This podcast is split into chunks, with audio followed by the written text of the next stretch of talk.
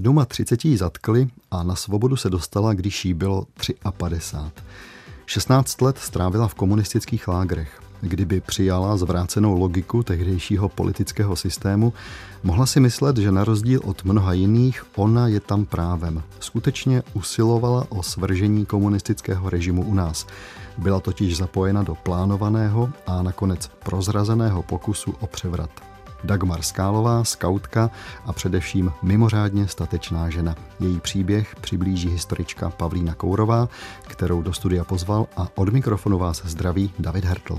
Portréty.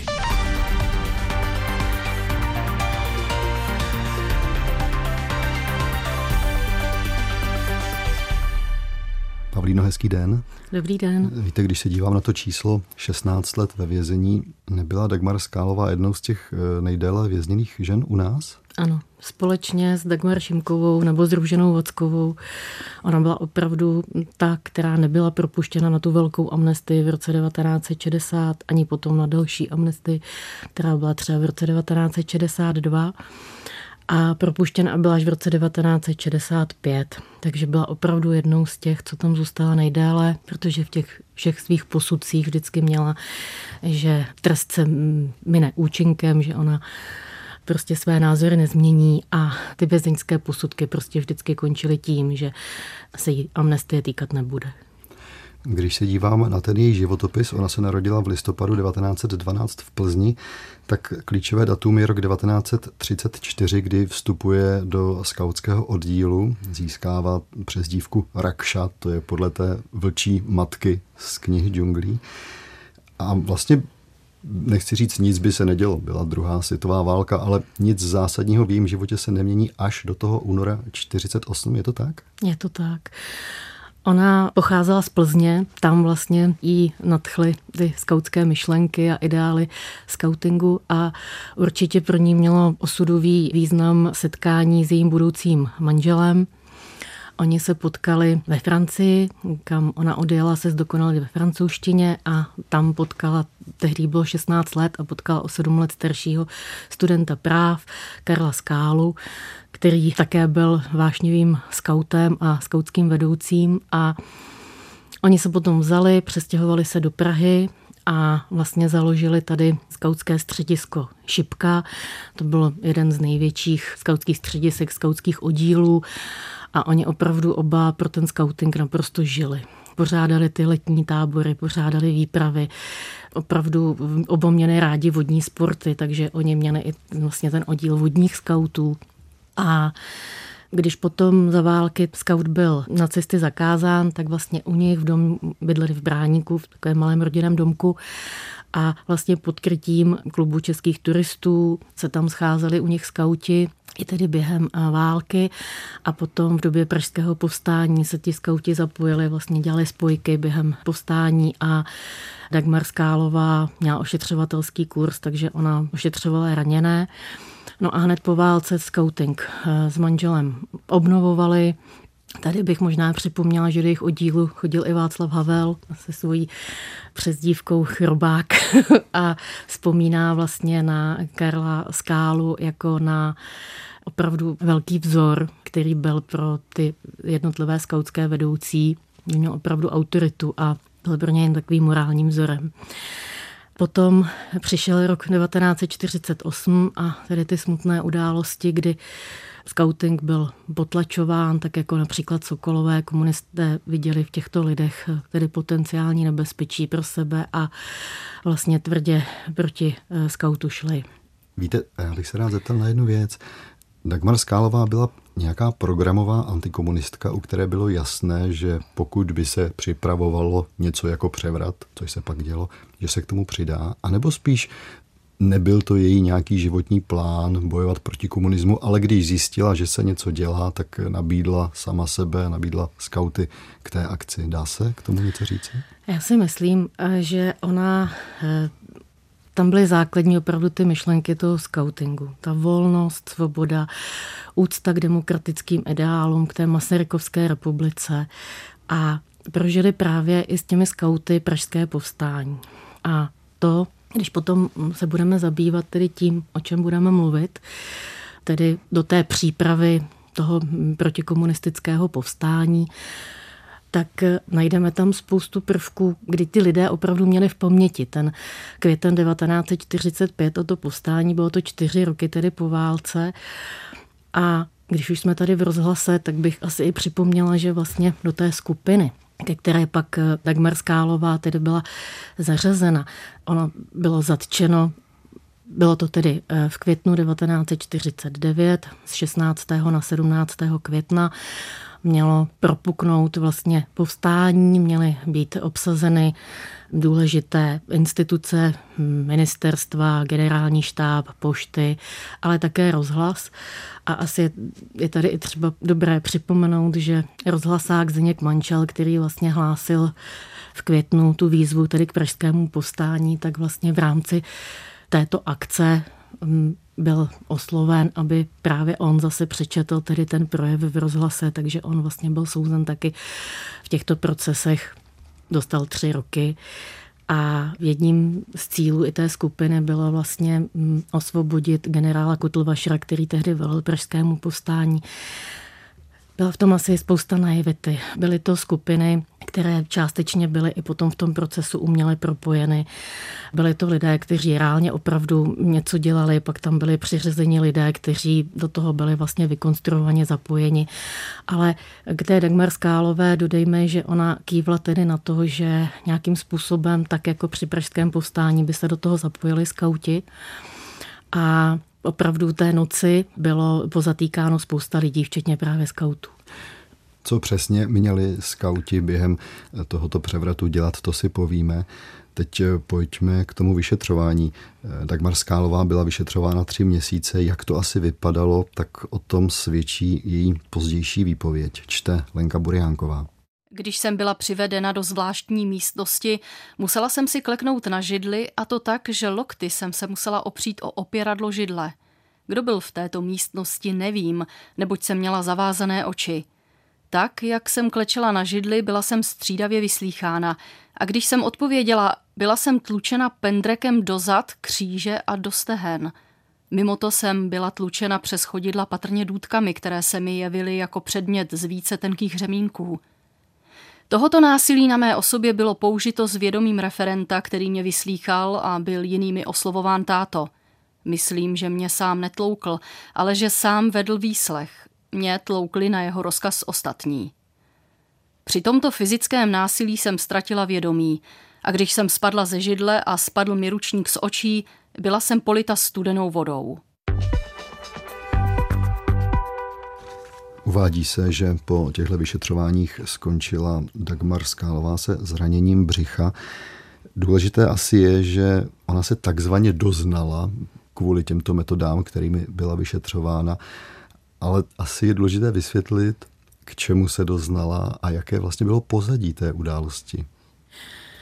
Po těchto drastických vyšetřovacích metodách, kterými prošly i ostatní ženy, to nebyl jenom její případ, opravdu tyhle ty brutální výslechy, které vedly takové zrůdy, jako byl vyšetřovatel Pešek nebo Novotný, tak eh, ona se doznala a eh, potom ale u toho hlavního přelíčení tu svoji výpověď eh, změnila. Nebo musíme tedy spíš ještě říct, že během té vazby ona vlastně pomocí morzovky se domlouvala s ostatními skauty, s lidmi blízkými a pomocí té morzovky si vlastně domluvilo to, že ona většinu té viny tedy vzala na sebe a ti jednotliví skauti vlastně vypovídali tak, jak bylo domluveno, že byli přesvědčeni, že jde o noční skautskou hru. Žádné povstání. Že, že o ničem nevěděli, hmm. že by se chystalo tedy nějaké povstání, převrat a opravdu se to podařilo. Ona v té své skupině, skupina tedy Dagmar Skálová a spol byla nejstarší. Jak jste řekl, bylo jí 37 let, všichni ostatní byli mladší, všichni to byli studenti. Jeden byl tedy dělník, ale ostatní byli všichni tedy mladší a většina z nich opravdu byli studenti, ať už vysokoškoláci nebo byl tam i středoškolák. A opravdu se podařilo, že 14 z nich vůbec ani k tomu soudu tedy eh, prostě byli vyloučeni tedy z té žaloby a ona dostala tedy do životí, pak další dva její spoluvyšetřovaní tedy dostali vyšší tresty, ale pak tam bylo několik nižších trestů a potom ve vzpomínkách které se dochovaly a které mimo jiné vyprávěla Zdeňku Poustovi, archiváři z archivu Univerzity Karlovy, která mu pak přinesla své zapsané vězeňské přednášky, tak vyprávěla, že vlastně ona se usmívala, když odcházela od toho soudu což ta bachařka, která ji vedla, nemohla vůbec pochopit. Říkala Skálová, vy jste blázen, vy jste dostala do životí a vy se usmíváte. A ona vlastně v tu chvíli hlavně byla šťastná, že z toho vlastně když to řeknu, vysekala ty kluky, ty skauty a že tedy to dopadlo takto. Ona ještě vlastně asi řeknu, že byl to proces, který se odehrál v srpnu 1949, že se ta mašinérie těch velkých politických procesů rozjížděla. Proces Mladou Hrákovou byl až o rok později, další procesy. Takže možná, že kdyby to bylo o rok později, že by ty tresty možná byly ještě ještě mnohem vyšší a ona asi i počítala třeba s tím, že je žena, že třeba ten trest opravdu v jejím případě nebude, protože v rámci těch procesů dalších padly i tresty smrti. Možná se usmívala trochu i proto, že jí skutečně byl navržen trest smrti. Nakonec tedy to bylo 8. srpna 49 ono do životí. Na tenhle politický proces vzpomínal pro paměť národa scout a politický vězeň 50. let Jiří Navrátil. Do té akce eh, bylo zapojeno několik set skautů, ale hm, my jsme pomocí morzovky a tak dále jsme se tak dokonale domluvili, že oni potom teda většině uvěřili, že nevěděli, že jdou do nějaký akce a, a že šli na skautskou hru noční a tak dále. Takže se náš k soudu dostalo asi 24 nebo 26. A ještě od toho soudu eh, šla přes polovička domů, protože ono to bylo hned z kraje, že to byl rok 49, to ještě nebyli sovětský poradci, takže ještě se podařilo jo, spousta kluků, ještě, tedy většina kluků šla ještě domů. A jenom vlastně já, tedy Dagmar Skálová, která byla, oni potřebovali udělat skautskou skupinu, jo. A e, kdyby my jsme bývali byli u těch, u těch ostatních, který, u těch důstojníků, kteří opravdu připravovali teda e, povstání, tak by jsme byli někde na konci odsasu a ty tresty by byly úplně jiný, že ale oni z propagačních důvodů potřebovali udělat protistátní skautskou skupinu, No a tam teda musela být na prvním místě Dagmar Skálová, která teda to organizovala. A já jsem jako byl její zástupce, takže ona dostala do životě a já jsem dostal 20 roků. No a ty ostatní, potom František Falerský, ten, co to maloval, ten dostal 15 a jinak už dostali jenom takzvaný což bylo dost nelogický, neoznámení trestného činu. Jo, a věděl, nepověděl. Věděl, nepověděl, takže měli ty rozsudky byly hm, Jirka Řehák měl pět roků a tenhle Holý a ten měl asi čtyři, že jo, mm-hmm. Karel Čečka dva roky to, a bylo nás odsouzeno, abych jsem se asi 12.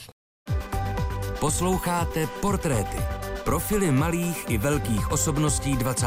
století, které změnily svět. Portréty najdete také na webu plus.rozhlas.cz, v aplikaci Můj rozhlas a v dalších podcastových aplikacích. Historička Pavlína Kórová přišla do dnešních portrétů vyprávět o Dagmar Skálové. Dobrý poslech vám přeje stále také David Hertl. Jiří Navrátil, kterého jsme před chvílí poslouchali, hovořil o propagačních důvodech toho procesu se skauty. My na to můžeme hned navázat takovou citací z článku státního prokurátora Vladimíra Bureše. Ten článek se jmenoval Bdělost a ostražitost ve výchově dětí a byl publikován v měsíčníku Vedoucí pionýrů. Agenti nepřítele a skrytí škůdci uvnitř našeho státu využívají všech názorových nejasností, všech chybiček a přežitků, které se u mladých lidí, případně i u jejich rodičů udrželi, aby mládež postavili a poštvali proti dělnické třídě, proti budování socialismu. Jedním z mocných prostředků na zaslepování mládeže a získávání pro buržoazní ideologii byl a v kapitalistických státech dosud je scouting – Je třeba pečlivě sledovat činnost různých bývalých funkcionářů Junáka známých svým reakčním postojem, kteří svou rozvratnickou činnost přenesli do jiných organizací, zejména sokolských jednot, případně do svých bytů. Pavlíno, nepletu se, rok 1950, to je další zákaz skauta, druhý, potom nacistickém roce 1940. Dá se říci, že i ten proces se skauty v tomhle sehrál nějakou roli v té ostražitosti režimu vůči skautskému hnutí? No, ono potom následovalo několik dalších procesů, tedy se skauty. To vlastně jeden z velkých byl potom v roce 1952. A ta činnost tedy toho skautingu opravdu byla utlumena. Ona se potom zase začíná pod krytím tedy různých turistických oddílů tak se zase dál tedy na ty skautské ideály navazuje, ale ta doba těch 50. let nebo do té poloviny 50. let je opravdu tvrdá a prostě má být jednotná organizace, pionýrská organizace a vlastně ty skautské ideály mají být úplně, úplně vymíceny. Pojďme se vrátit k Dagmar Skálové. Vy jste četla její vězeňský posudek, který byl na ní zpracován. To je také docela zajímavý materiál. Ocitujme si z něj trochu. Jedná se o odsouzenou, která hrubým způsobem soustavně narušuje výkon trestu. Již v roce 1954 byla organizátorkou hladovky, kterou zahájila se 60 odsouzenými. V létě 1956 byla organizátorkou psaní hanlivého dopisu bývalému generálnímu tajemníkovi OSN Dagu Hammarskjöldovi, kde hrubě urážela vládní činitele a socialistické zřízení. Je mezi odsouzenými šiřitelkou náboženské ideologie, odmítá pracovat v neděli, je hrdá na to, že její manžel je ve výkonu trestu, neboť svým podle ní hrdinským činem dal jasně najevo, že nekolaboruje. Svoje názory, které měla v době, kdy byla významnou pracovnicí Junáka, nesnaží se změnit, ale naopak pro tyto ideály získat další odsouzené. Tam je několik zajímavých momentů. Pojďme se vrátit k tomu dopisu generálnímu tajemníkovi OSN z roku 1956. To asi musela být velká odvaha pokusit se psát z toho vězení na tuto adresu. Jak to dopadlo?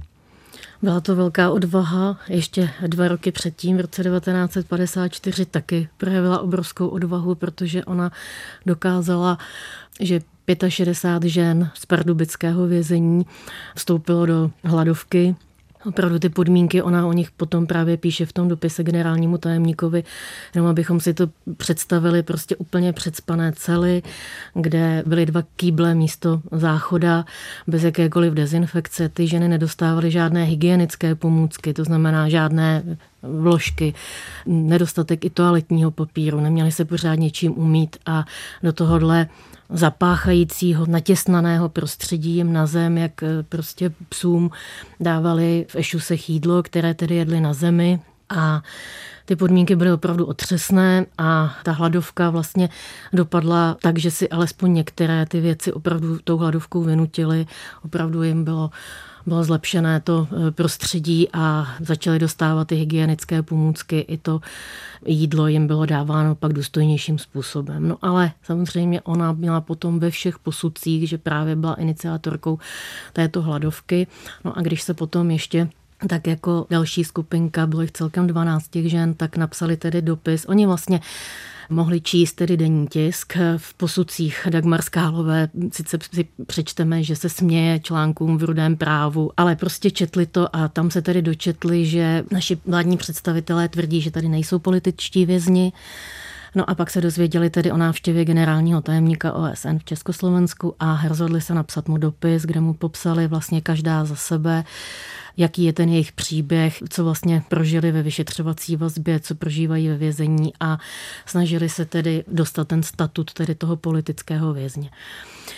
Napsali to česky a zároveň v jazyce, který buď sami ovládali, Dagmar Skálová uměla francouzsky, měla i univerzitní zkoušku z francouzštiny, Některé ženy to napsaly anglicky.